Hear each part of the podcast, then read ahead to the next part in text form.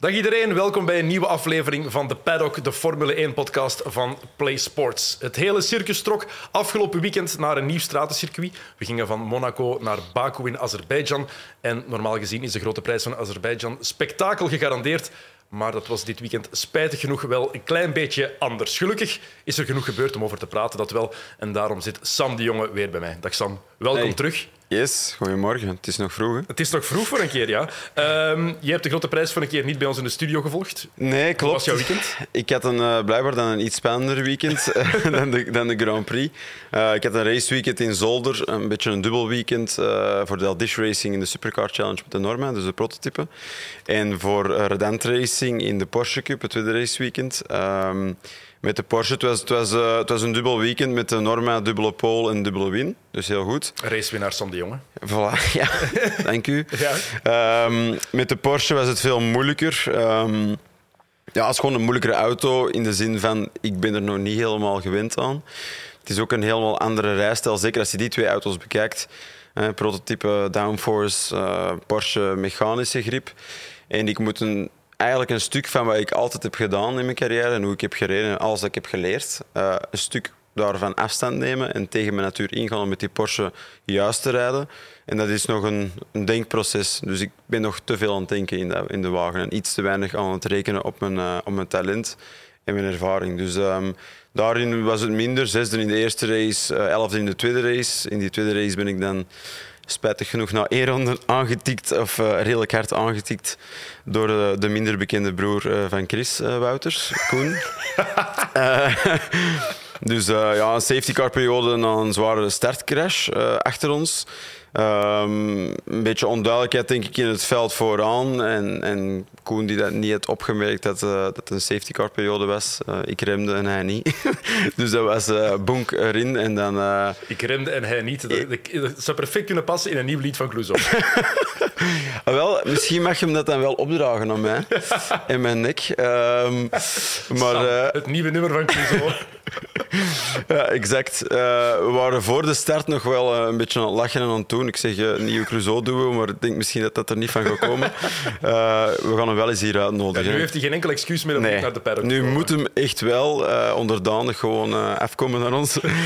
Maar mijn uitlaten waren daarin dan dichtgenepen bij die crash. En dan ja, de rest van die race was met minder power rijden en gewoon heel moeilijk. Dus ja, move on naar Zandvoort om het beter te doen. Kijk, maar de conclusie is, je hebt ook gewonnen dit weekend. Ja, dat is wel waar. Kijk, Dat gaan we, dat gaan we onthouden. aan het positieve denken. Ja, dat is belangrijk. Oké, wie heb je vandaag meegebracht naar, eh, naar onze studio? Ja, eerst en vooral iemand die ook eh, Formule 1-ervaring heeft. Het is altijd leuk als je een, een, een Belg, een Vlaming, hè, in- onze Paddock-podcast kan uitnodigen in die zin. Eh, om daar iets meer over te vertellen. Iemand die eigenlijk heel veel uren in- van zijn leven al heeft doorgebracht in een paddock. En ik dacht, als hij dan eens een vrij moment heeft, dan ga ik die een plezier doen en nog eens uitnodigen in de paddock. Dus welkom, Jeffrey van Oudonk. Goedemorgen. Dag Jeffrey. Ehm, een van de weinige Vlamingen die in een Formule 1-wagen heeft gezeten. Ja, inderdaad. Jammer genoeg is dat super moeilijk om te realiseren. Kost dat gigantisch veel geld. En we En- proberen zoveel mogelijk Vlamingen die dat gedaan hebben hier uit te nodigen om Sam zo jaloers mogelijk te maken. Ja, exact. Ja, is- ik vind het eigenlijk wel echt jammer dat er weinig piloten de kans krijgen om ermee te rijden. Want dan krijg je ook wel meer respect voor die Formule 1-piloten. Want het is wel fenomenaal als je ermee rijdt. Het is eigenlijk een space shuttle op wielen.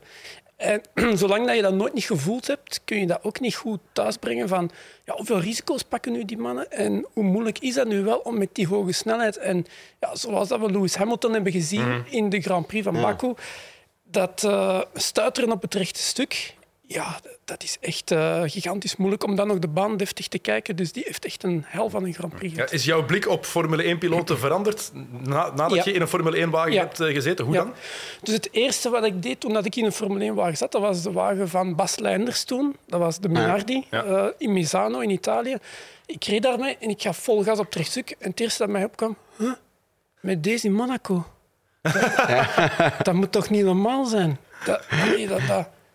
En uw gevoel zegt, nee, dat kan niet. Dat kan niet. Eh, eh, dat lukt niet. Hè, want je komt dan 300 aan het, op het einde van het rechtstuk, kort rechtstuk. Je moet dan remmen aan de 100 meter. Je moet een naarspelbocht pakken. Maar je gevoel zegt, nee, dat gaat niet aan de 100 meter remmen. Dat, dat, dat lukt nooit. Je komt daar niet. Dat, dat, dat gaat niet. En je hoofd zegt je wel, je hebt dat gezien op de data, dus we gaan dat gewoon doen. Ik had toen ook niet veel rondes om te rijden. De motor was al over zijn uren gegaan, dus die moest eigenlijk op Door revisie. Bas, eigenlijk. Door Bas eigenlijk. en eh, dan kom je eraan, geremd. En dan, eh, dan zeg je, oh, dat lukt niet, dat lukt niet. Maar die keramische remmen die moeten opwarmen. En dan in het midden van je remzone, in één keer duikt die wagen gewoon precies de grond in. Die gaat precies, je kunt je hoofd niet tegenhouden. Dus je hoofd die, die gaat gewoon allee, ja, recht naar voren. En dan komt je aan die bochten. Ah ja, dat lukt wel. Ja. En eh, ja, dat is fenomenaal. Dat is echt... allee, ik had toen al vijf jaar voor Motor 1000 gereden, dus met 500 pk voor 700 kilo. En toen was het 1000 pk voor 700 kilo. Dus gewoon pk's maal 2, rondentijd 10 seconden sneller per ronde. Alleen nog zelfs ietsje meer. Ja, dat is eigenlijk een Golf en een Porsche vergelijken op circuit. Dat is niet te vergelijken. Dat is wel een wagen met vier banden en een stuur, maar ja, als je dagelijks met een Golf rijdt en je rijdt dan met een Porsche, ja, dan weet je niet wat er gebeurt. Hè. Dan, dan zijn die in één keer met een raket aan het rijden. Ja, dus je bewondering voor Formule 1-piloten is wel echt toegenomen nadat Ja. je er zelf in hebt gezeten. Ja, zeker. zeker. Dus eh, ja, ook door heel de druk en heel de commotie in die wereld gaat je als piloot ja, nog meer op de toppen van je tenen wandelen. Omdat je dus echt wel eh, elke misstap dat je zet, wordt direct uitvergroot. En ja, dus vandaar moet je dus echt gaan opletten wat je allemaal doet. Ook toen dat ik die Formule 1-test aan het doen was, allee, ja, mensen waren constant aan het praten tegen mij. Van, oh, vroeger schakelen, je hebt hier te veel in toeren gehad. Ah, oh, eh, je zit te vroeg geremd, je moet iets later remmen daar, je laat er nog twee tienden liggen.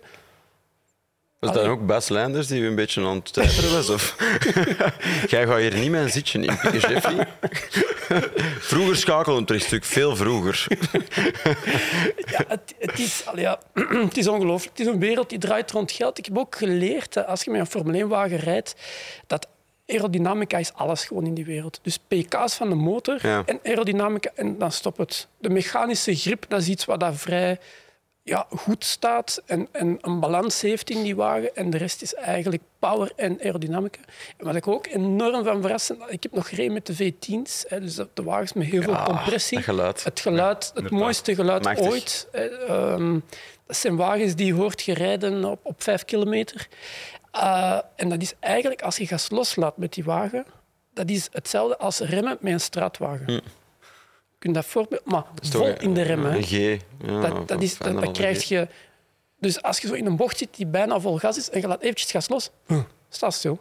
Dat is bizar. Dat is echt bizar. dat ja. compressie heeft die motor. Dat is wel het cool, hè? want dat betekent dat je, allee, dat betekent dat je super accuraat moet zijn. Ja. Maar je hebt ook de kans om dat te doen. Ja. Om altijd Ja. een klein beetje door Ja. een beetje van je, van je gaspedaal kunnen bijsturen Ja. eigenlijk. Ja. En meer Dus grip die- krijgen. Ik heb het geluk gehad dat die wagens toen tractioncontrole hadden. Want zonder tractioncontrole is het levensgevaarlijk met die wagens. En nu zie je dat ook in die straten van Baku, dat ze zo de bocht uitkomen en zo eventjes eh, ja, een, een, een, een drift doen. Ja, en dat is gewoon super moeilijk om die, die pk's op de grond te krijgen. Ze rijden met super brede banden, maar dan nog is het eh, echt zo oh, rustig naar vol gas en ook shortshiften, snel naar de volgende versnelling gaan om toch die pk's op de grond te krijgen, zelfs met nieuwe banden. Dus eh, het is daarom dat ik ook wel enorm verrast, zijn, eh, verrast ben van Baku. Er zijn geen crashes gebeurd. Hè. De, elke piloot heeft daar 300 kilometer gereden en er is gewoon niemand die de muur heeft geraakt. Het zegt veel over de kwaliteiten van, eh, ja, van de piloten die er gewoon op dit moment zijn, ook natuurlijk. Hè. Ja, klopt. Ja, en over hoeveel downforce en hoeveel, allee, hoe, hoe- hoeveel grip dat die wagens eigenlijk hebben. Hè. Ehm, dat is natuurlijk een beetje de vraag van is het dan goed voor de, voor de sport of niet? Hè? Ja, ja, het mag ook niet te gemakkelijk worden. Hè. Nee. Ik, allee, als, je, als je zo ziet naar eh, wedstrijden met, weinig, met veel minder vleugels, die wagens die schuiven Altijd, constant rijden, ja. heel dicht bij elkaar. Dus ik vind, ja, ze hebben een heel grote change gedaan. Die wagen is helemaal veranderd, maar eigenlijk is het nog Is het beter geworden, inderdaad? Hè? Ik bedoel, ze, kunnen wel beter, eh, ze kunnen elkaar beter volgen, maar heeft wel, het het dat wel. racen beter gemaakt? Maar de races zijn, het ook niet- zijn nog niet beter geworden. Mm. Allee, die zijn een klein beetje beter geworden, maar niet significant voor die verandering dat ze gedaan hebben. Ehm, heb je spijt dat je niet vaker in een Formule 1-auto hebt kunnen zitten of mogen zitten? Ah, retorische vraag vandaag. Hey, het is maandagochtend, gast. Jij bent er heel het weekend niet geweest hier. Laat- Ik heb zelfs flauwe woordpopjes moeten maken in jouw Echt? plaats. Ja. Ik ben trots. Kijk, Ja, ik heb het. eh, Hey, ik kan, ja? Ja, ja. ik kan het bevestigen. kijk. Top. Laat ons zeggen, eh, ik had toen 12 miljoen dollar nodig voor een seizoen te rijden. Eh, dat wel- Bij, bij Midland, bij Bij Midland Midland. was het, ja. Bij Midland. Het En toen dus- Spijker was geweest of nog niet was Het geweest? was, eh, nee, Spijker kwam daarna. Eh, Dus het was Jordan, dan was het Midland volgens mij. Collis? Eh, ja, Colin Collis, Collins? Collis is, is Midland, hè? Dat is Midland, ja. Ja, en dan is het Spijker geworden volgens mij. Juist, ja. En dan is het Force India geworden, of zoiets. ja. dus het is heel veel veranderd. Hè. Dat is het team dat het meest veranderd Het is. huidige van- Aston Martin. Ja, Ja, klopt. Ongelooflijk eigenlijk, ja. Maar wat wel leuk is, als ik zo naar televisie kijk, het zijn nog allemaal dezelfde mensen. Dus er werkten ongeveer 280 mensen werkten daar in de fabriek. En eh, ja, dat zijn gewoon eh, ja, gepassioneerde mensen. Dat is hun leven en die blijven in die wereld. En dat is wel leuk als je er dan komt. Je komt terug thuis. En dat is, dat is Ja, ja. ja, bijna 15 jaar geleden. Dus eigenlijk bij jou, het verschil tussen Formule 1 halen en niet is 12 miljoen dollar. Dat was dat jaar zo. Ja, toen. Eh, omdat dat is altijd vraag en aanbod. Hè. Dus eh, Ja. een team heeft geld nodig. Maar als er geen piloten zijn met geld, dan eh, gaat degene die het grootste budget heeft, die krijgt het zitje. Voilà. En bij D'Ambrosio bijvoorbeeld was dat toen eh, bij eh, Vir- Virgin, Virgin, hè? Ja. bij Manner, bij Chris Boots, was dat eh 5 miljoen dollar. Heeft Wat eigenlijk meevalt. Wat dat eigenlijk meevalt. Voor Formule 1 is dat echt goed. Ja, allee, dat klinkt hallucinant om te ja. zeggen, maar in die wereld... hallucinant om te Wie, zeggen. wie, wie was het? Ehm dat je daarna bedragen gezien van 20, 25 miljoen voor bepaalde nu piloten. is het niet meer normaal. Hè. Dus het is, het is eigenlijk Pastor Maldonado Ja. die de prijzen heeft laten Ja, exploderen. Venezuela eigenlijk. Ja, Venezuela eigenlijk. Ja. En dan eh, natuurlijk met Stroll. Hè, die heeft dan ja, er ook eh, budgetten neergelegd dat je zegt van, allee, dat kan toch niet meer. Dat, Dus Maldonado is de eerste geweest die effectief met en 20 ook- zakken. En ook de eerste pastoor hè, in de Formule 1.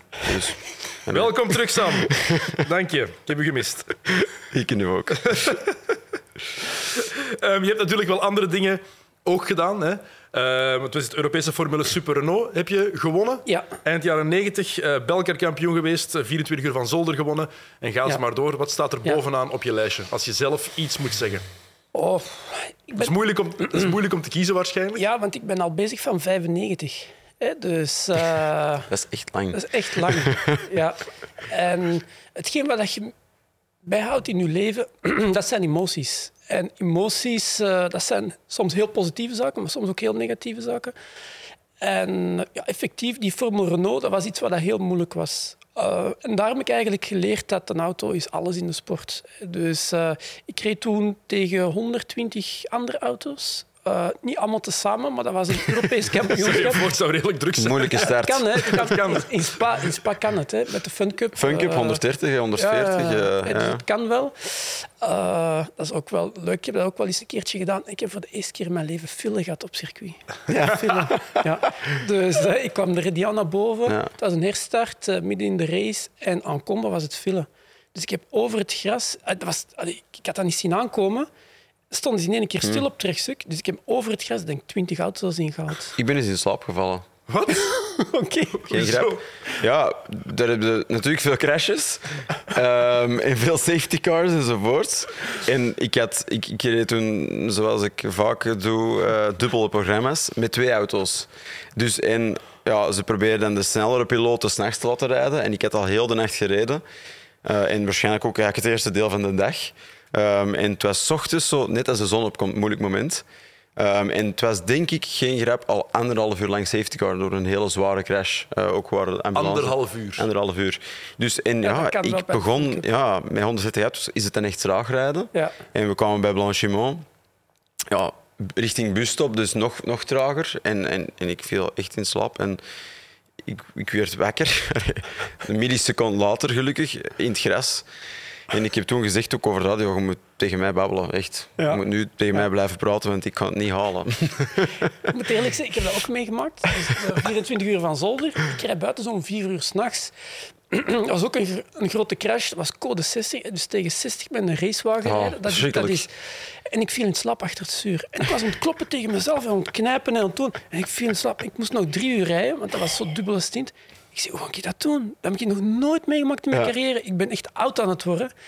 en uh, laat ons zeggen, de safety car is binnengegaan. Ik ben doorgereden en dat was geen enkel probleem. Nee. En je rijdt gewoon puur op adrenaline. Ja. Gewoon piece of cake. Oh, flatje van een cent. Omdat je, omdat je kan doorrijden weer. Ja, omdat die adrenaline komt. Dat houdt u wakker. en dat hè. houdt u wakker.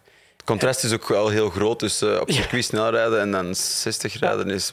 Wat, wat dan leuk is, als je een 24 uur wedstrijd rijdt in het donker, dan lijkt het nog sneller te gaan. Zalig, ja. En dat, dat is leuk, want het is precies met 1000 pk aan het rijden. Hè? Dus dat Ja. geeft een, een heel leuk gevoel in, in de nachtrijden. Eh, het was dit weekend ook de 24 uur van Le Mans. Hebben jullie dat een beetje kunnen volgen? Jij, jij sowieso niet. Een beetje, een klein beetje in de, in de hospitality bij Porsche eh, hadden ze schermen hangen. Ehm, ja, ik weet niet of jij het van dichtbij eh, Nee. of meer dichtbij Nee. hebt Je hebt gevolgd. er wel nog aan meegedaan, hè? Ja, ik heb een paar keer eh, Le Mans kunnen rijden, wat dat echt ja, uniek is. Hè. Ja, wat Dus, maakt Le Mans zo, zo iconisch en zo uniek? Dat is traditie. Hè. Ehm, Is het puur dat? Ja, een beetje wel. Wat ook belangrijk is, is eigenlijk als je daar komt als piloot. Hè, je kan bijvoorbeeld al Formule 1 wereldkampioen zijn geworden en dan kom je in Le Mans en dan moet je eigenlijk alles wat je hebt geleerd eventjes aan de kant zetten. En dan moet je gewoon terug met een wit blad starten en luisteren naar de mensen die daar al hebben gereden. En dat moet je wel kunnen, want je bent eigenlijk dan op dat moment de top. Je ego top. aan de kant schuiven. Ego, even op Ja. de top. Eh, Dat zeggen de Engelsen altijd. Put your ego in your pocket. Eh, dan ga je rijden. Dan rij je zo 300, 330 op de openbare weg met een wagen met heel veel camber, een racewagen. Ja, ja. En dan, die banen die zijn een beetje zo gebouwd, kegel. ja, vorm. kegelvorm, voor het water eh, weg te voeren. En sommige banen die zijn een beetje met camber. Komt je eraan tegen 330 en dan wil je insturen voor die bocht, maar die wagen doet dat vanzelf al. Ja, door de baan die Ja. aflopend is ja, naar... dat die aflopend is van die kamer. Richting de dat bocht. is juist voor Indianapolis. Dan stuur je terug. Die wagen die begint te zwengelen tegen 330. Dan stuur je zo. Dus, jongen, dan ben je nog zo groot. Hè. Echt, de eerste keer dat je in Le Mans rijdt, dat gaat zo snel. Dat is. Hmm. Je bent wel teruggegroeid, gelukkig daarna. maar welke... Los daarvan. eh, welke wagen was dat? Dat was een Orica, een, een Reinaard, eh, dus een proto. LMP. Ja, Dat was toen, nog, niet niet. Met, dat was nog niet met de naam LMP2 of LMP3. Eh, dat was het jaar nadat de Mercedes'en waren gaan vliegen. Ja, Dunbrick en eh, Webber. Dus het was niet zo'n snel jaar, want iedereen had schrik voor terug te gaan vliegen. Dus hadden ze overal een grote gurney van achter op de vleugel gezet. Vliegbrevet gehad. Vliegen gehad. en dat maakte eigenlijk dat de topsnelheid was niet zo waanzinnig was. 320 dat we gedaan hebben. Ja, Wat dat wel tof was, het was... PlayStation was een sponsor. Het was echt alles erop en eraan. Fabrieksauto van Chrysler. Ja, cool. Eh, was echt cool. Yannick Dalmas was, stond op de tweede wagen. hè. man die al drie, vier keer had gewonnen. En eh, ja, dus Amerikaanse ondersteuning echt. En die wagen van hen, in de eerste ronde blaast hij de motor op. Ja, eerste ronde. Dus wij dachten van ja... aan een- gewerkt. ja, nog een paar uurtjes en dan zal het bij ons ook wel klaar zijn. Maar dat maakte eigenlijk dat die mensen van zijn wagen, die kwamen dan ook op onze wagen. Ah, ja. Dus ik had twintig mechaniekers. Dus als ik binnenkwam, ik was gewoon de koning. Hè. die, die staken nieuwe handschoenen, die kasten me een viziertje, die, die gaven me drinken. De, dat was echt, dat waard je echt, ja, dat was niet normaal. We hebben vier versnellingsbakken gewisseld op die race. En een versnellingsbak wisselen was eh, drie minuten. Dat is fantastisch. Wat? Drie minuten voor een Ja. versnellingsbak te wisselen. Maar ze doen heel de achterkant, ze hebben Ja, gewoon liggen. Hè? Ja, heel de achterkant en Ja. heel de achter, nieuwe Ja. achterkant erop. Dus ze Ja. moeten niet de versnellingsbak uit de Ja, ja. achterkant gaan halen. Dat is, Onwaarschijnlijk. dat is onwaarschijnlijk. Heel cool. Ja. Ehm, voor, een, eh, voor een piloot, wat is nu het grote verschil, het grootste verschil, buiten dat je langer moet rijden, tussen een uithoudingsrace en een gewone race? Ik denk ten eerste teamwork. Maar je moet eigenlijk een wagen gaan afstellen die voor verschillende piloten werkt. En eigenlijk moet je die bijna gaan afstellen op de traagste piloot. Hè, want Sowieso, die, die moet zich comfortabel voelen. En Sowieso. dat is ook de grootste deficit dat je dan in die race zal hebben. Dus hoe, hoe sneller dat die is, hoe sneller dat je bent als team. Ja. Dus dat is heel moeilijk. En inderdaad, de ego aan de kant schuiven. ehm, Ja, waarom moet je je ego aan de kant schuiven? Omdat een piloot wil altijd zo snel mogelijk gaan. Die wil rondetijden zien Ja, op zijn wil ook scherm. eigenlijk de snelste man zijn op Voilà. die wagen. Maar dan, dan moet je echt niet... Ik had, om voor een anekdote te zeggen, ik, had, eh, ik was fabriekspiloot voor Peugeot in de 24 uur van Spa. En ik, ik zat met eh Vincent Rademacher op de wagen en Erik van de Poelen, ex-Formule 1-piloot. Ja. hè. Die was toen al een beetje bergaf aan het gaan, eh, al een dagetje ouder. En die kwam naar ons en die zei... Weet je, de snelste man op de auto, hè, die betaalt de andere twee piloten, dat was toen nog Belgisch geld, 10.000 Belgisch, Belgisch Slim, slimme manier. Om je toch trager te doen ja, eigenlijk. om toch de snelste man op die wagen te zijn. Ja. En eh, ik en, en Vincent, wij zeggen van... Ja, zeg, Erik, we rijden gewoon rond. Hè. We zien wel, hè. En uh, ja, effectief, hè, ja, als je een dagetje ouder wordt, dan uh, de feeling, uh, het gevoel gaat mm. weg. En je begint met je hoofd te rijden en dan begin je te forceren soms. Zeker als je onder druk staat. En we hebben die race standen we aan de leiding op twee uur van het einde. En dan is de kardan kapot gegaan. En dat komt eigenlijk door Erik om het zo te zeggen. Omdat... Erik, uh, als je een luisteraar bent, ja, nee. Jeffrey zijn adres sturen. Ja dat, ja, dat komt eigenlijk omdat er te hard gepusht is met die auto. Mm. Dus je kunt... Te agressief eigenlijk Te, te agressief, te vroeg op gas, in ja. la source, te vroeg op gas. Dat binnenste wieltje dat draait dan door. Tak, en dan komt dat op de grond en komt er heel veel kracht op die kardan. Mm. Maar zo win je wel een paar tienden per ronde. En zo was ook in de busstopchicane. Dus over die curbs, die wielen in de lucht, het wiel draait rond, komt terug neer, tak, terug een kracht op die kardan. En dat is totaal niet nodig in de 24 uur. Toen waren de 24 uur races, en dan spreek ik in het jaar 2000. Echt uithoudings. Waren uithoudingswedstrijden. Dan moest je op 80% van de wagen gaan rijden, niet op 100%. Nu, Le Mans is een sprint. Dat is een sprint. Elke sprint is een sprint. Elke sprint. En het is omdat er zoveel fouten gebeuren.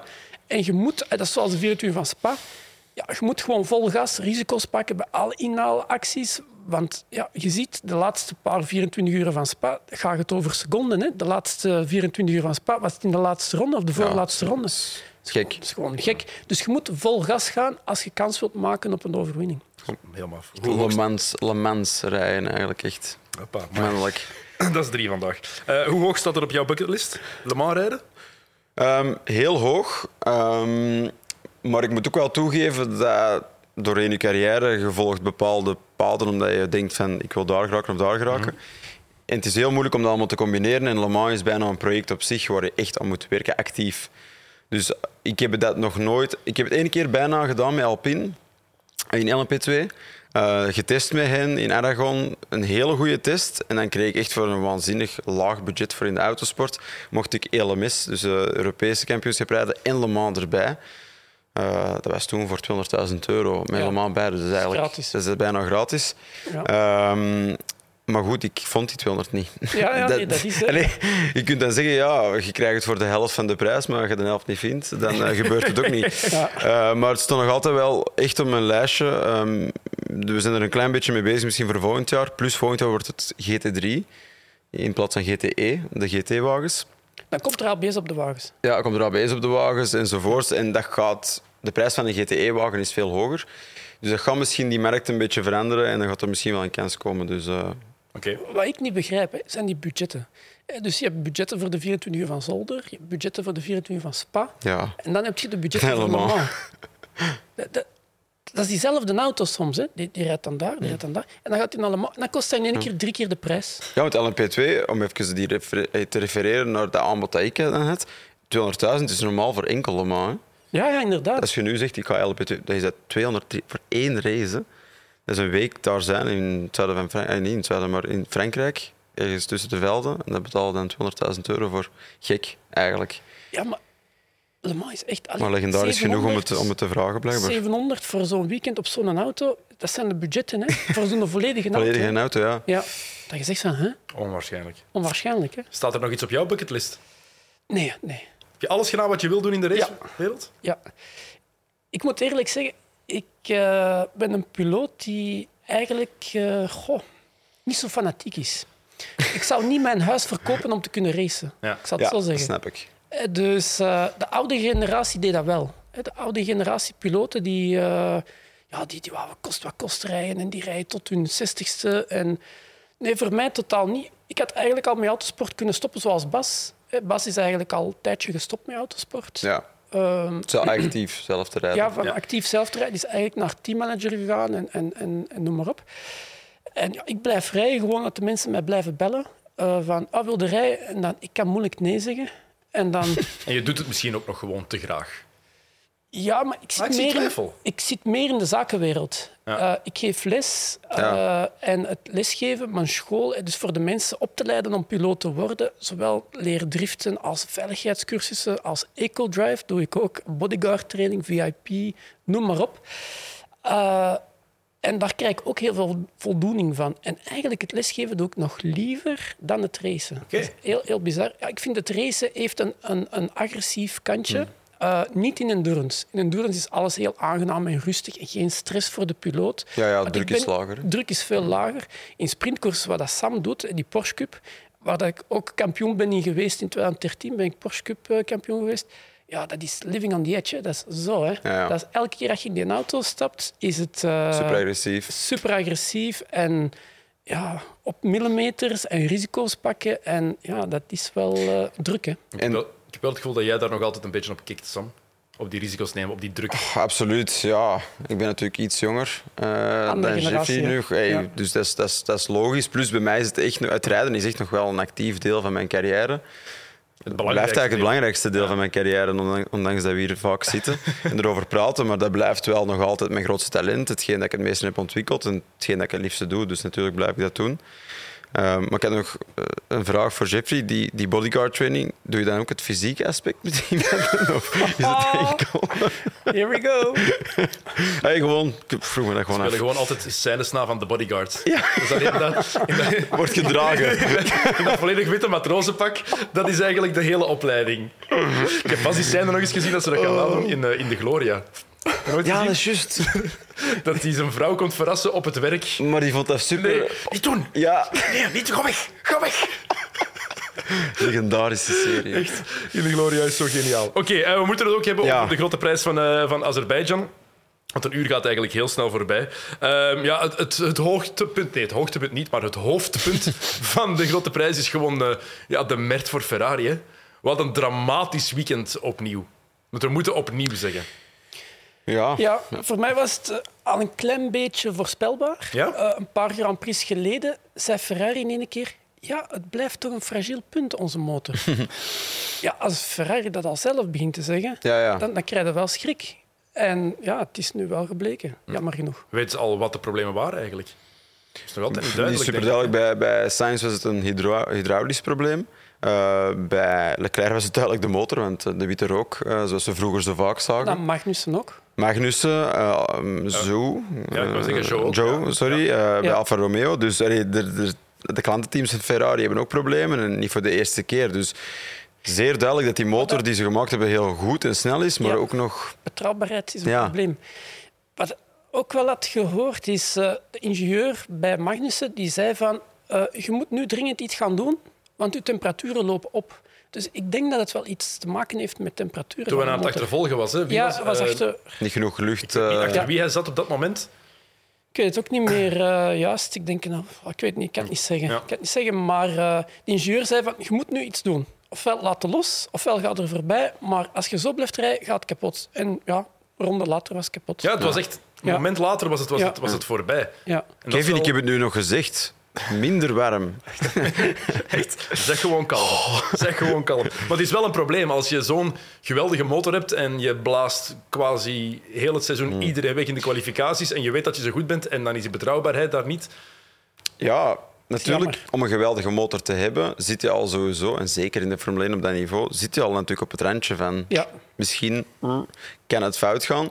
En daarin heeft Ferrari eigenlijk, klinkt raar, te weinig ervaring. Nu, met die huidige motor. Ze hebben dat helemaal herwerkt, heel het concept. Op zich rijden we met dezelfde motoren, maar een ander design.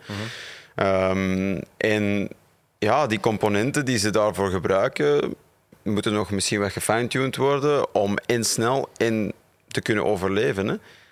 Um, en dat hebben ze natuurlijk bij Red Bull al die jaren voordien al fijn geslepen samen met Honda. En dat werkt duidelijk wel. Ja, het, het is eigenlijk zo, tegenwoordig kun je met elektronica en met de data dat ze hebben oh, echt heel veel doen en heel veel simulaties doen met die motor op de testbank en ja, uren en uren uh, data hebben. Dat eigenlijk de laatste paar jaren zien we heel weinig problemen met betrouwbaarheid. Ja, klopt. Omdat er gewoon zoveel kennis is. En einde cyclus. Ja, maar nu, allez, in één keer drie motoren op één Grand Prix. En allemaal van hetzelfde Ferrari. Het is bijna om, om, om medelijden mee te krijgen. Hè? Want ze zitten nu zo in een positie van... Oh, iedereen... Ja. Begin van het seizoen gemerkte het ook van... Hey, sowieso, Mercedes is niet meer dominant. Leuk. Red Bull doet nog mee, ook leuk. En dan Ferrari. Ik bedoel, ik denk dat elke Formule 1-fan wel... Dat is euforie, hè? is euforie van... En iedereen had echt wel die gunfactor van...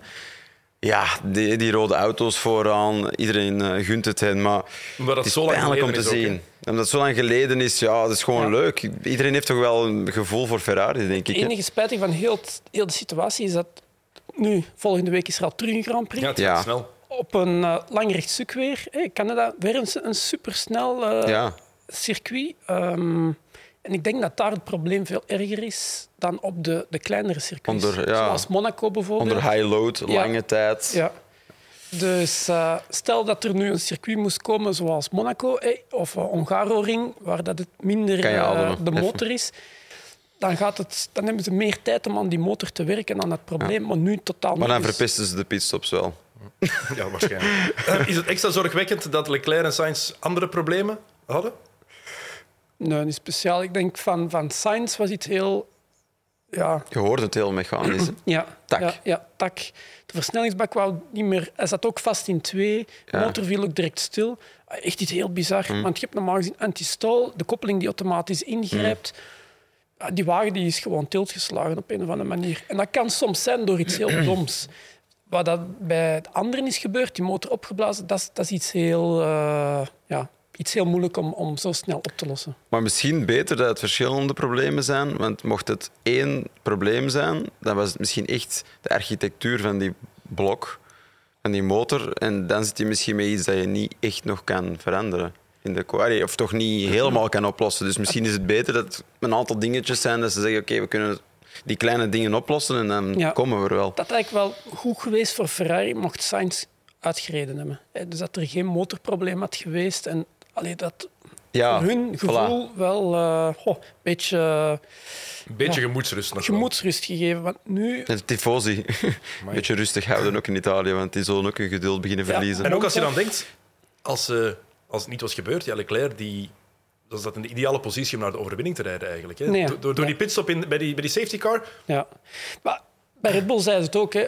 Stel dat Ferrari niet was uitgevallen, hadden we nog gewonnen. Denk je dat echt? Ja, ik dat is- Massi- Massimo die hier zat, Bottiglieri, die was van overtuigd als eh, Leclerc. maar dat is een Italiaan. Dan, ja. dan eh, door die pitstop bij die safety car had, eh, had Leclerc ehm, de Red Bulls wel, wel ge- geremonteerd Nee, als het nodig was In de vrije geweest. training hebben we gezien dat, dat Red Bull echt supersnel is. Long eh, runs. ja, op de long runs. Max was er ook van overtuigd. Max is niet snel momenteel met die Red Bull, omdat die setup is zo gemaakt om die banden goed te houden. Ja, ja. En eh, die setup die past heel goed bij Perez. En ehm, ja, dat is een onderstuurde wagen om die achterste banden gewoon niet dood te rijden. Ja. En dus gewoon lange stints te kunnen doen met die banden. En bij Ferrari zijn ze met één ding bezig. Dat is gewoon een snelle wagen maken. Ja. En dat is een snelle wagen maken voor één ronde. En de rest zien we dan wel. Bij Red Bull zijn ze ietsje verder. En die maken de wagen traag voor de race. Die maken die gewoon traag. Maar dat dat een wagen is dat die makkelijk kan inhalen. Ja. Want we zagen ook bij Mercedes. Mercedes had hun wagen helemaal aangepast voor de race, maar die ging niet meer vooruit op trechtstuk. hè. Hamilton op trechtstuk, zelfs met DRS, die Ja. kon er gewoon niet naast komen. Stond stil. Dus die, die moest echt banden hebben die een seconde per ronde sneller waren dan de wagen voor hem om iets te kunnen doen. Ja, en natuurlijk Ferrari inderdaad, die, waar ze heel sterk in zijn, op één ronde die band ook warm krijgen, op temperatuur, de drukken juist krijgen. Maar natuurlijk, als je dat doet, dan heb je ook direct het, de consequentie van meer band te gebruiken Klopt. op lange termijn. Dus.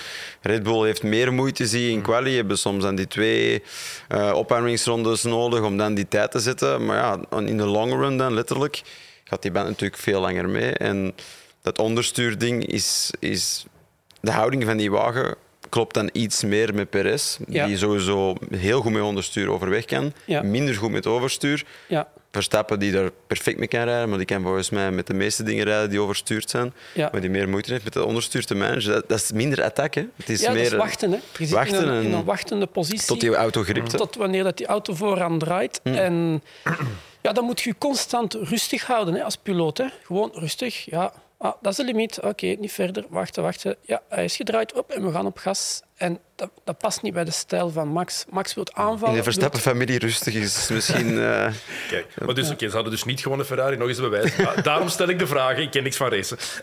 dat, is, dat is heel simpel.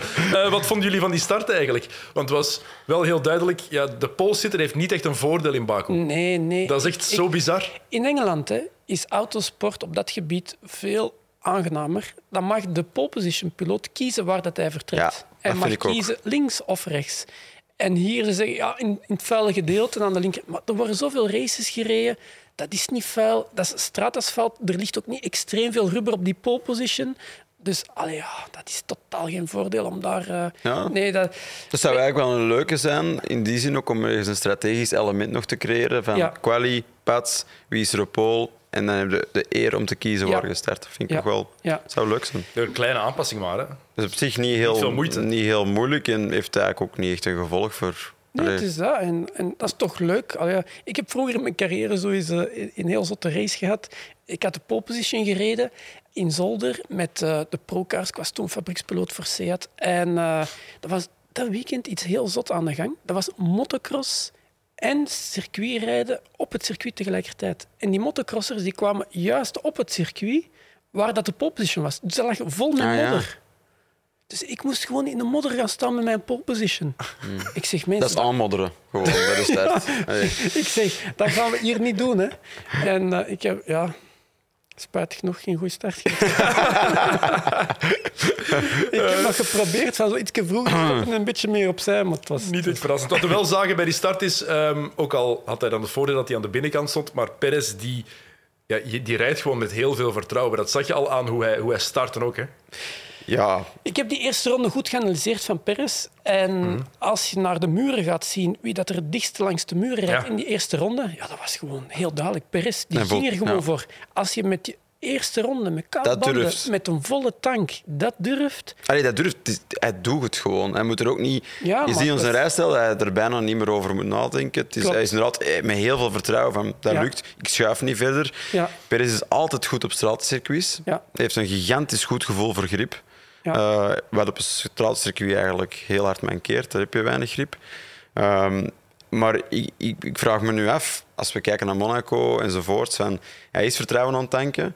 Ik vind het persoonlijk mooi om te zien, maar wanneer gaat Red Bull daar een einde aan maken? Hè? Want ik bedoel, het is heel duidelijk, Max Verstappen moet Maar ze hebben er al een einde aan gemaakt. Dat Perez Ja. heeft, na de race heeft hij nog eens gezegd van ja, eh, we, hebben daar een fout, we hebben een foutje gemaakt. Als we iets beter hadden ingeschat, had ik kunnen winnen.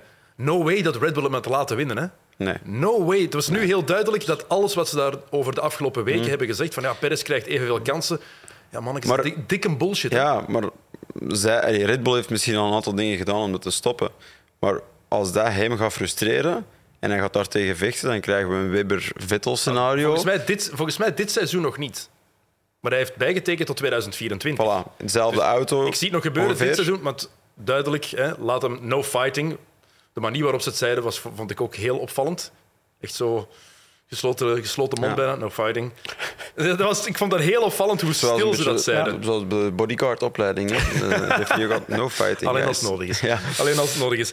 Maar ja, je weet toch dit jaar dat die... Nu is het toch helemaal duidelijk. Het is vol, vol op de kaart van Max Verstappen trekken. Ja, klopt. klopt. Maar het is altijd zo geweest. het, is nu, het is nu wel leuk voor Red Bull dat ze met beide wagens hè, dat ze een dubbelslag kunnen doen. Ja. Ehm, goed voor de constructeur titel binnen te halen. Maar eh, ja, Perez die is nu eventjes in een, in een sterke modus. Maar ik denk wel dat Max gaat terugkomen op circuits die hem beter liggen Ja, ja. met zijn setup. Maar ik denk ook wat Sam zegt, dat het wel juist is. Misschien dit seizoen niet dan, maar volgend jaar gaat dat sowieso voor gezever zorgen. Gaat hij nog tolereren, hè? inderdaad. Allee, je kan altijd zeggen, ja, ik, ik wil tweede viool spelen, omdat je ergens weet dat je er niet aangeraakt. Maar dat verandert natuurlijk totaal als je wel weet dat je er aangeraakt. Allee, dan kan je zeggen wat je wilt, dan kan je betaald in- worden, maar dan... Dat is zoals in de wielersport. Hè. Op een bepaald moment gaat de kopman eh, ja, de grond op. Ja, en dan is dat nu. Hè. En als hij een paar keren valt... Voilà. in één keer worden... Allee, de Dat is man- een shift in... Ja, een shift. Hè. Froome Dus, en Wiggins in de Tour was het wat tien Ja. jaar geleden ongeveer. Dat is het Ja. mooiste voorbeeld. eh, Schumacher bij Ferrari in eh, Silverstone, die gaat door zijn remmen. Ik weet niet wat er gebeurt. Die- crasht, breekt zijn been. Ja. Ah ja. Dat- Allee, voor hetzelfde geld was Irvine dat, dat jaar wereldkampioen geworden. En dat kan bij Perez ook. En dan hup, krijg je echt een, een switch. Hè. Dus, eh, Ja, natuurlijk bij Red Bull, de investering is Max Verstappen Ja. eh, in, allee, op alle vlak. Eh, en de return in, on investment is ook Max Verstappen. Dus voor hun Door de leeftijd alleen ook niet al. door de leeftijd een financieel oogpunt aantrekkelijk. Ja, ik niet- bedoel, de achterban vergeten, eh, als in Mexico allemaal een blikje Red Bull lopen doen, ook waar. dan eh, gebeurt er wel iets hè, met die cijfers. Dan wordt er hard gewerkt. Nee, nee, maar hey, dat is niet onbelangrijk. Hè. Dat Ja, ja, is, tuurlijk. eh, ik, ik heb dat vroeger ook gehad. Red Bull heeft voor mij heel veel betaald. En op een bepaald moment kreeg ik een zitje in de Formule 3000 van Red Bull. En het ging tussen mij en een Braziliaan. En dan zei Red Bull, ja, waar zijn wij hier tussen aan het twijfelen? België. Tussen een Belg en een Eh. Braziliaan. Ik was even snel als die Braziliaan. En hebben ze gewoon gezegd, ah, kom jong, die Braziliaan erin. Hè. Eh, Was dat Bruni? Nee, was dat, nee de Bernaldi. Ja, Bernaldi. Hè. Ja. Ja. Bernaldi is eh Red Bull-man geweest. Dus eh, Een aantal stevige crashes meegemaakt. ja, Bernaldi is... Wat ook opviel dit weekend is dat eh, ja, zeker de Mercedes, maar sommige andere wagens ook, ja, die leek wel rechtstreeks uit zo'n videoclip, zo'n hip-hop videoclip uit de jaren 2000 te komen met die hydraulics Ja. die, op en neer gaan, maar dan maal duizend qua snelheid.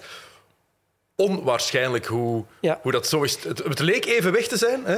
maar dat kwam dan gewoon door de omstandigheden op andere circuits. Maar op het rechte stuk nu, die 2,2 kilometer, dat was Mij extreem. zou het niet verbazen. Ik heb nog een quote gelezen na de race van eh Toto Wolf. Die zei van... eh, ja, goh, voor Hamilton, goh, ja, niet, zijn rug is echt slecht. Hè, voor dat nog eens eventjes te bevestigen. Hmm. Dus hij ziet er ook mee in. Hij weet dat hij geen wagen heeft om wereldkampioen mee te worden, Hamilton. En het zou mij niet verbazen dat er nu voor Canada nog iemand anders instapt. Maar ik denk wel niet dat het aanstellerij is, want Hij was blij dat hij achter de rug was. de Ja. race. Nee, nee, Oh, sowieso- zie wat je doet daar. Dat is, dat is een, hele, een hele subtiele. Dat is een hele mooie. Maar hij had niet echt iets om over te klagen. In de zin van dat Nee. hij alles uit die wagen heeft gehaald dat hij er kon uithalen. Als hij vijftiende was geworden, dan zou ik nog kunnen geloven dat het wat aanstellerij is. Van, ah, ik, maar ik had last van soms rug. Hamilton... Daarom. Maar nu is hij vierde geworden. Hij wist, beter ging ik toch niet Ja. kunnen doen. Dus waarom zou hij doen Klopt. alsof... Hamilton is soms zo hè, ehm, opgepast voor iedereen die thuis aan hun keyboard klaarstaan om te reageren hierop. Ik eh, heb heel veel respect voor Hamilton, maar hij is soms opportunistisch ehm, als het niet goed gaat. eh, om dan een situatie eh, ergens uit te vissen en te gebruiken. eh, om een stuk zijn deficit, een, excuus te zoeken, eerlijk gezegd. Stel dat hij tweede wordt in de Grand Prix, wat dan met die wagen een overwinning is. Ja. Maar Russell wordt één, dan gaat hem juist hetzelfde doen. Hè. Gaat hem zelf Maar ik doen. denk als hij, als, hij, als hij tweede wordt na Verstappen, dat hij ook zo doet. Ik geloof dat het, ik geloof dat het effectief... Nee, nee, Met, met nee, deze... nee. Nee, de, leeftijd ook. Je, als er iets in je rug schiet, Nee. dan... Heb je gezien wat hem is uitgestapt? Met adrenaline. Hè? Als die wagen Ja. in brand staat, hè, dan springt hij er gewoon uit. Hè? Dat is geen stress. Hè? Nu was het echt even zo van naar zijn fans laten zien van...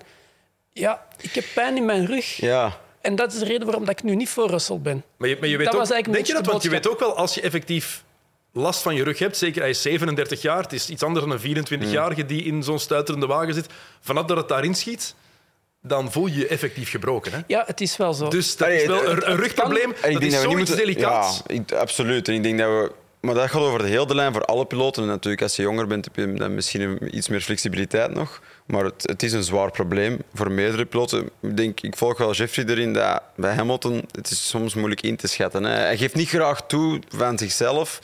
Van ik heb iets minder gedaan of ik iets minder gepresteerd.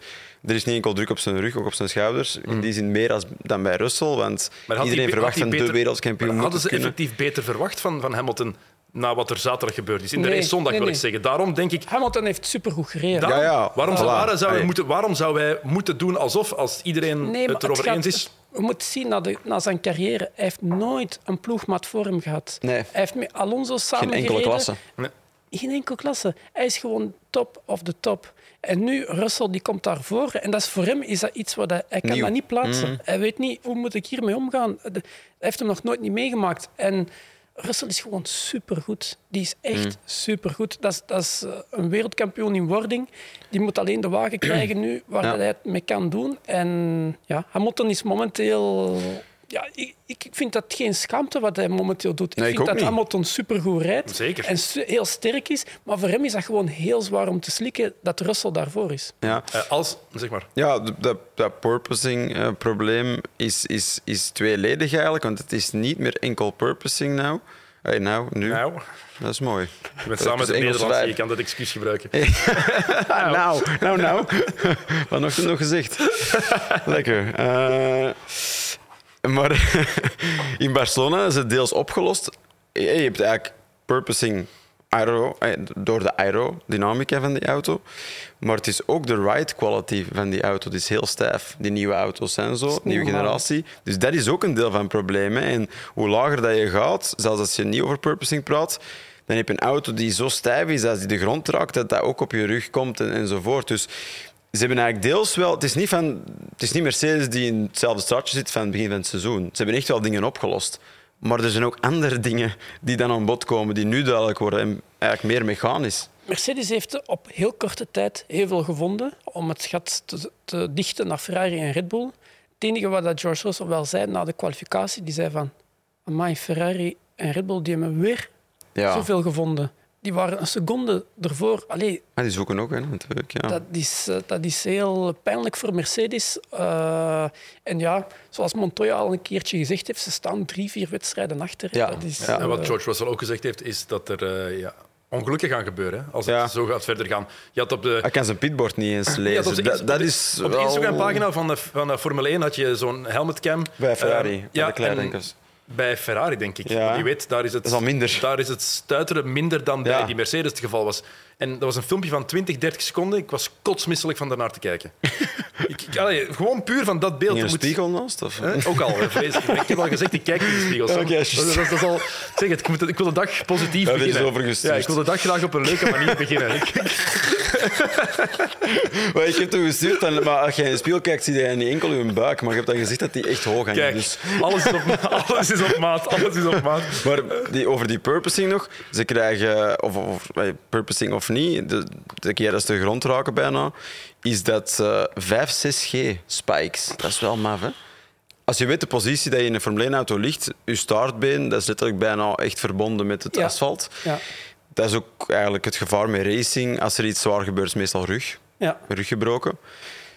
Dus allee, 5, 6G door je ruggengraat. Allee. En een, en een rug van een 24-jarige kan er beter mee om dan een rug van Ja, een 37-jarige. allee. ja sowieso. We moeten het niet inderdaad volledig nee, wegcijferen. Meestal. Het is, het is wel zo- zo'n feit hoe dat dat voor Hamilton George- moeilijker zal zijn. George Russell, hoe dat hij op het podium stond, die was zo fris als iets. Hè. Die stond Ja. daar gewoon... eh, ja, Maar heeft, Volgende. hij, heeft hij gelijk? Gaan er ongelukken volgen? Want hij heeft dan ook gezegd van we zijn 2022. eh, het zou eigenlijk niet meer moeten dat wagens zo laag bij de grond liggen. heeft hij was, zelf gezegd. Dit was, laat ons, ja, dat is zeker vast een punt, maar dit was wel de ergste Grand Prix volgens mij. Dat is een straatcircuit met de hoogste snelheid van het jaar. Hmm. Ehm, ja, erger kan het niet. Dus eh, het gaat alleen maar beteren, de, de komende Grand Prix, met minder Ja. stuiteren. Maar eh, ja, het is totaal niet nodig. Hè. Het is ook een, eh, wel interessant, want er, er is nu discussie. eh, eigenlijk aanvraag van de piloten, hè, van de Drivers Association, waar eh, George Russell dan de directeur van is op zijn jonge leeftijd. Wel grappig. Is hij daar directeur? Ja, Ah, Dat is cool. ja omdat hij zo, ja, ja, Engels, de gentleman, zo, het is een beetje- heel slim. eh, Hij kan consensus tussen iedereen vinden, eh, is zo wat de lijm. Het zou een royal kunnen zijn. Ja, inderdaad. Eh, misschien beter dan de, dan de huidige daar. Ehm buiten de Queen. Ehm, maar er is inderdaad zo eens discussie, want er is aanvraag bij de FIA van doe hier iets aan. Hè, verander iets aan het concept dat dan niet niet meer kan.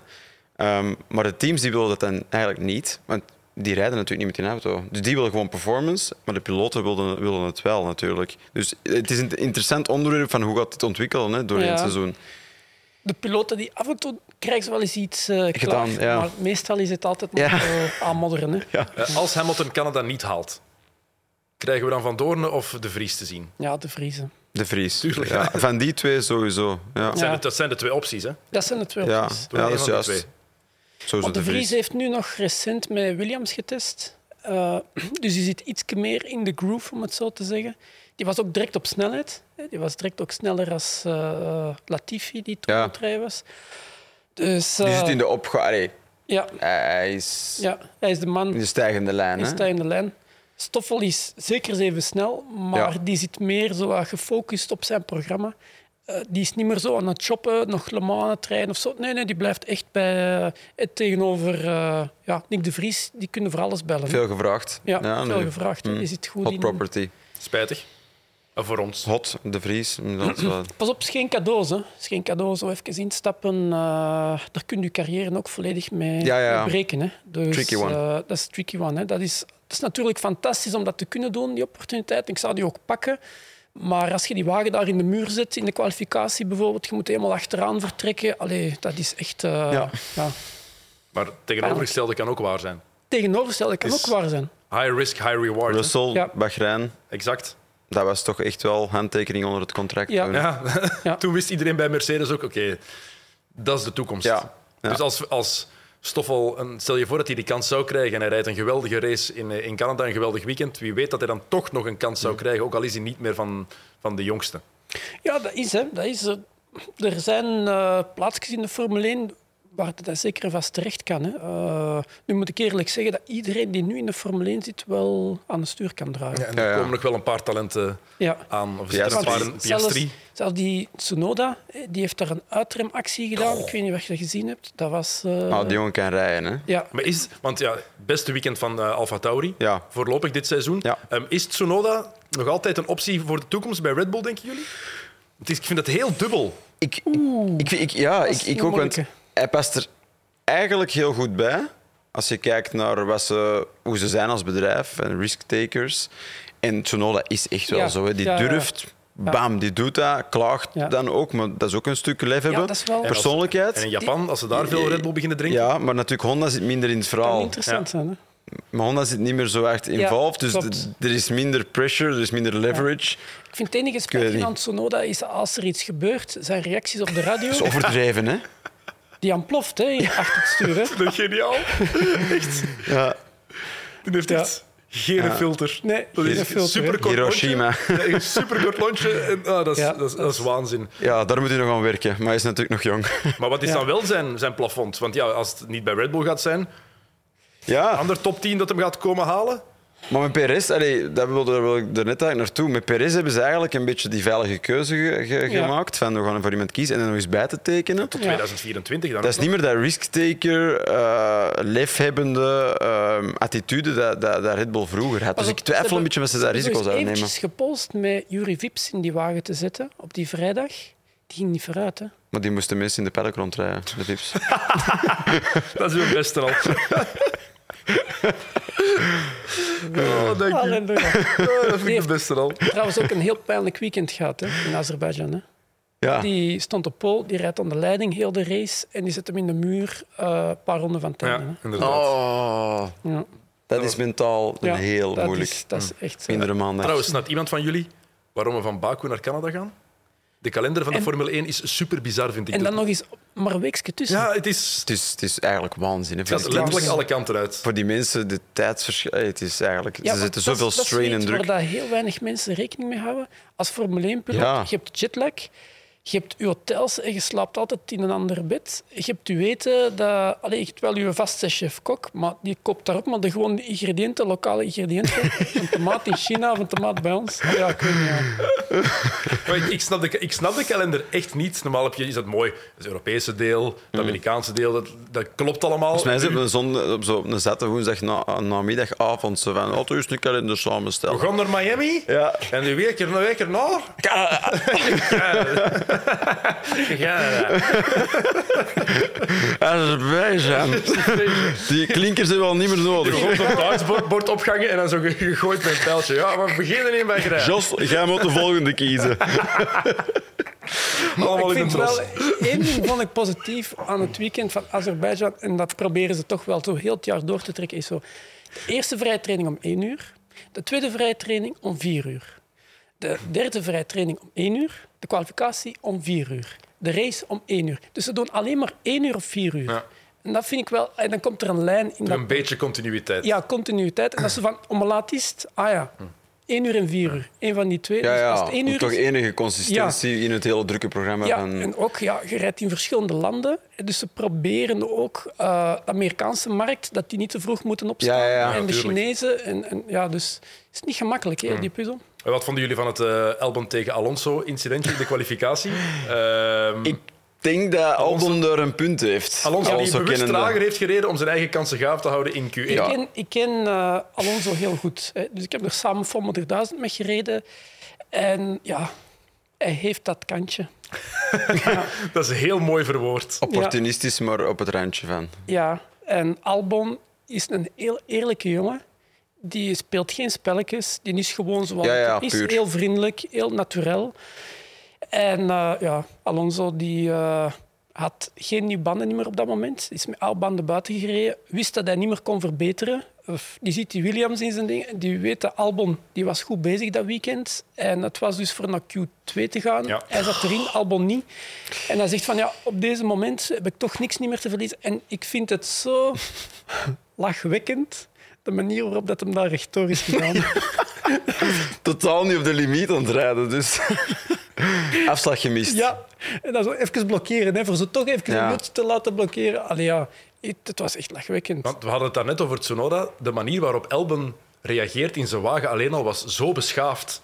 Ja. Zo kalm. Want hij zegt van het is eigenlijk onaanvaardbaar. Ja. En daarna voor de camera zegt hij dat toch met een super vriendelijk gezicht. Ja. Van, ja, dit, een, moet ja, een lieve jongen. Hè? Ja, het is, Alonso is een slimme man, Ja. ehm, dus ik snap dat hij dat doet, maar hier moet eigenlijk iets tegen interview gedaan van worden. Alonso, Het Ja. interview van Alonso, dat was echt ook... eh, Daar, wa- daar was eigenlijk duidelijk dat... alle, Commedia dell'arte. ja, ja, dus alle zaken erbij gehaald. Ja, en de Vettel is er ook nog in de muur gegaan. En het is er super moeilijk. En, Dan weet je eigenlijk dat het, Ja. dat het maar liegen is. Ja, inderdaad. Hè. Als hem nu gewoon to the point had gezegd wat er gebeurd was, dan hadden we nog kunnen zeggen van ja, oké, hij heeft zijn argument, de ander heeft, maar hij heeft er geen argument van gemaakt. Hè. Nee.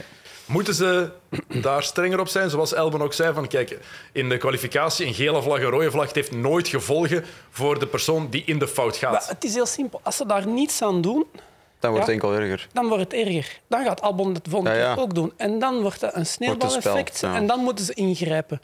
Dus ze moeten eigenlijk wel hier iets of wat... Ik vind dat wel. Ik vind, ik vind, ik vind de moeilijkheid van, van een kwalificatie is niet enkel de snelste ronde rijden en volledig op de limiet zitten, maar dan ook zorgen dat je daar niet net over gaat en dat je rode vlag veroorzaakt of een gele vlag. Ik vind dat dat in de lagere wordt. klasses, dus in Formule 2, in Formule 3, eh, wat ik vroeger, hè, ik weet niet hoe dat het er nu aan toe gaat, dat was geen structuur. Dus dat was kwalificatie, je rijdt maar. En wat wij deden, hè, dat was echt arrogant zijn. Dat is snelle tijd in het begin en dan gewoon buiten blijven rijden, rustig op het gemak. Ja, en zoveel mogelijk in de weg rijden. Oh, man, man, man, dat was echt... Het is levensgevaarlijk toch ook gewoon? Nee, nee, nee. ja, nee. nee, dat niet. Gewoon in de weg. Ja, dat een andere daar aan het knallen is. Misschien wel voor Koen Wouters. Dus ah, Sorry, Koen. alle geluk, alle geluk dat er eh, in de Formule 1 al ja, sancties worden gegeven in de kwalificatie als je iemand hindert. Hè, dus dat je startplaatsen verliest. Want anders was dat ook zo geweest. Dat is vroeger altijd in de Formule 1 zo geweest. Dus ik vind het wel goed dat ze in de Formule 1 zo van die regeltjes hè, met die delta en zo. Ja. Alhoewel dat er geen sancties aan, aan vasthangen. Hè. Het is eigenlijk onduidelijk. hè. Het is Er onduidelijk. is zogezegd een regel, maar er is niks om die regel dan toe te passen. Hmm, Ja, het is raar vergeten. Als, Lang als die regel, want Hamilton, die dan zo traag reed, Ja.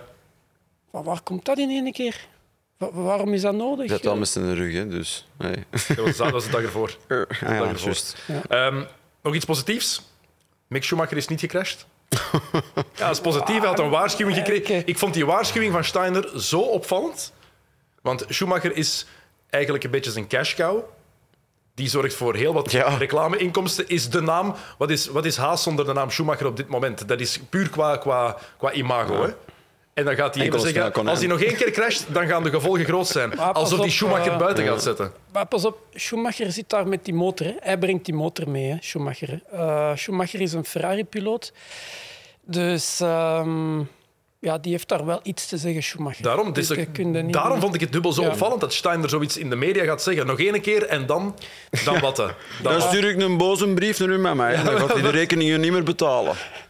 Pas op, Schumacher moet daar wel extra budget voor meebrengen, hoor, voor die crashes. Dat zal geen probleem zijn, denk ik, voor Schumacher. Maar je zit wel met de Ah. budgetcap, hè. Dat is wel lastig, hè.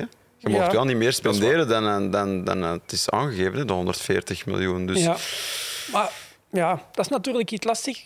Maar laat ons zeggen, ik, ik heb het wel voor Mick Schumacher. Ik vind die jongen doet goed zijn best. Die heeft zijn talent al Clever bewezen. genoeg. Clever genoeg. Ja. Het enige wat dat, in Monaco, die crash, was wel zijn fout. Eh, Dus hij is Ja. ietsje te breed Klopt. gegaan, zat met een wieltje in het nat. Dat is gewoon focus. Eh, Dus je Mm. moet daar niet die riskante lijn te gaan rijden. Je moet, dat was een opdrogende baan. Je moet wel op dat stukje droog blijven Mm. rijden en niet in je ritme vallen van een volledig droge baan. En, dus, en dat heeft hij wel een beetje... Oké, die zware crash in, in, in eh, Jeddah. Jeddah. Ja. Hij is Ook, hè. over die cup. Letterlijk over het handje gegaan. Hè. Want Ocon heeft juist hetzelfde gedaan. Ja. En die heeft die wagen kunnen recupereren. Ja. Ja. En dat is zo... Ja, hij heeft talent, maar hij mankeert nog zo dat heel klein stukje ervaring. Controle. Voor- ja, om, hij moet meer in zijn routine geraken en dan wordt hij sterker. Ja. En ehm, momenteel, doordat iedereen op zijn kap zit met die crashes, geraakt hij even niet vooruit. Want hij heeft wel ja, de snelheid en de controle eigenlijk om, om, om een goede piloot te worden. Ja. We hebben nog 2 minuten en 20 seconden, dus ik heb nog één vraag van De rest een van de grid. kijker en luisteraar. Eh, Stefan de Mond, die de geweldige vraag stelde. Ik vond het een hele goeie. Eh, na een crash, eh, waarom gebruiken de marshals altijd een bezem uit de jaren 20 om die brokstuk op te ruimen in plaats van een bladblazer bijvoorbeeld? Dat is een hele goede vraag. Maar Dus. zie, in Monaco heb je al die marshals Ook daar. traditie. Hè, dus, ja, ja. Al sinds 1920 gebruiken wij deze borstel. In Monaco zijn alle marshals getraind. En dat is, dat is echt een eh, aparte organisatie. Ja. Nu gaan er al veel marshals mee, hè, voor, voor niet te. En ja, die wagens, eh, dat is natuurlijk allemaal eh, elektrisch geladen. Dus niemand durft eraan komen. Staat er zo'n wagen in pan dat je zegt van, allee, houd die nu gewoon binnen. Nee, niemand. Nee, en dan die, blok, die brokstukken, ja, ja. Eigenlijk moet iedereen zo'n blazer hebben en dan is Het moet toch iets efficiënter zijn dan echt zo'n ouderwetse bezem. Ja, maar dat is, weet je, iedereen heeft zoveel werk dat weekend om dat allemaal geregeld te krijgen, dat circuit helemaal op te bouwen en, en noem maar op, dat er niet veel extra eh, tijd nog is om zo die kleine details... eh, maar het is wel zo, hoeveel tijd dat er wordt verloren na een crash. Ja, hoe hoogtechnologisch die sport is, Ja. moet FIA misschien eens naar de eigen, Ja. in de spiegel durven kijken en zeggen misschien moeten wij ook het hoogtechnologische gaan toepassen langs onze in kant. Amerika is dat echt super georganiseerd. Ja, mega. Die komen daar met een F-16-motor, komen die er voorbij, blazen dat is weg. allemaal weg. Ook alle wagens weggeblazen. Shit. Oké, mannen, we moeten afronden, spijtig Ja. genoeg. Eh, Jeffrey, het was eh, fijn om je hierbij te hebben. Bedankt. Graag tot de volgende keer nog eens. Graag gedaan. Heel welkom hier. Sam, eh, volgende week ben je er heel het weekend. Ja, Van ik, de grote prijs van Canada. Yes. Die eh, begint zaterdag op Play Sports. Het is een avondsessie, zowel zaterdag als zondag. En volgende week maandag zijn we weer terug met een nieuwe aflevering van de Paddock. Dus heel graag tot dan. Salut.